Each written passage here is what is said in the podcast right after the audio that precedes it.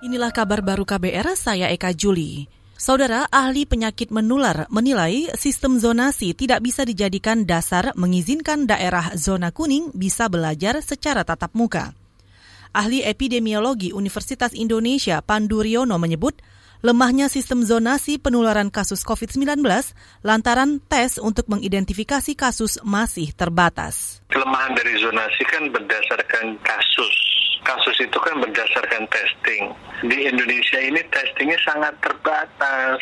Jadi bisa saja tidak ada kasus, ya kan, karena testingnya terbatas. Atau kasus sedikit karena testingnya terbatas. Di Indonesia ini hampir 50 persen layanan testing itu dari Jakarta. Dari daerah-daerah lain itu masih rendah di Indonesia. Bayangkan Indonesia begini luas, testing yang paling bagus cuma di Jakarta. Ahli penyakit menular Universitas Indonesia Pandu Riono menilai rendahnya tes COVID-19 di daerah luar Jakarta membuat zona-zona itu tidak berguna. Ia menyarankan menggunakan patokan tingkat penularan kasus untuk membuka kegiatan berskala besar yang beresiko seperti belajar tatap muka.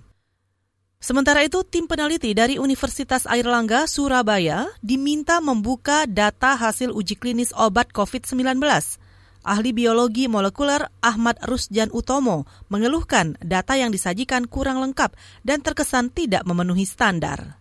Karena kalau Indonesia memang betul-betul menemukan kombinasi yang bagus, ini kontribusinya bukan Indonesia loh, ini kontribusinya global. Tentu harapan dunia juga sangat besar. Nah, cuma harapan itu di backup dengan kualitas data yang solid. Jangan sampai nanti PHP. Tapi saya yakin sih harusnya mereka punya datanya. Gitu. Maksud saya kan gini, kalau hanya itu datanya, ya itu berarti jadi masalah. Tapi kalau ternyata memang ada data lain yang jauh lebih rapi, eh, yang memenuhi secara internasional dan lazim, ya nggak ada masalah.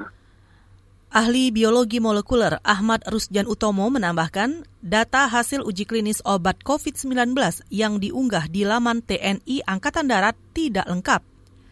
Dia meminta ditunjukkan data demografi yang menggambarkan komposisi pasien per groove dalam penelitian, data statistik kesembuhan yang tidak lazim, hingga pembuktian bahwa kombinasi obat ini mampu menyembuhkan pasien COVID-19. Sebelumnya, Universitas Airlangga Surabaya mengklaim berhasil meracik obat COVID-19. Obat itu juga diklaim terbukti menyembuhkan 750-an pasien positif COVID tanpa ventilator. Sebagian besar pasien berasal dari klaster secapa Angkatan Darat di Bandung, Jawa Barat. Kita ke mancanegara. Bekas Raja Spanyol Juan Carlos diketahui menetap di Uni Emirat Arab Istana Kerajaan Spanyol mengonfirmasi tentang keberadaannya yang menghilang sejak awal Agustus. Saat ini, keuangan ex-raja sedang diawasi dalam penyelidikan korupsi besar-besaran.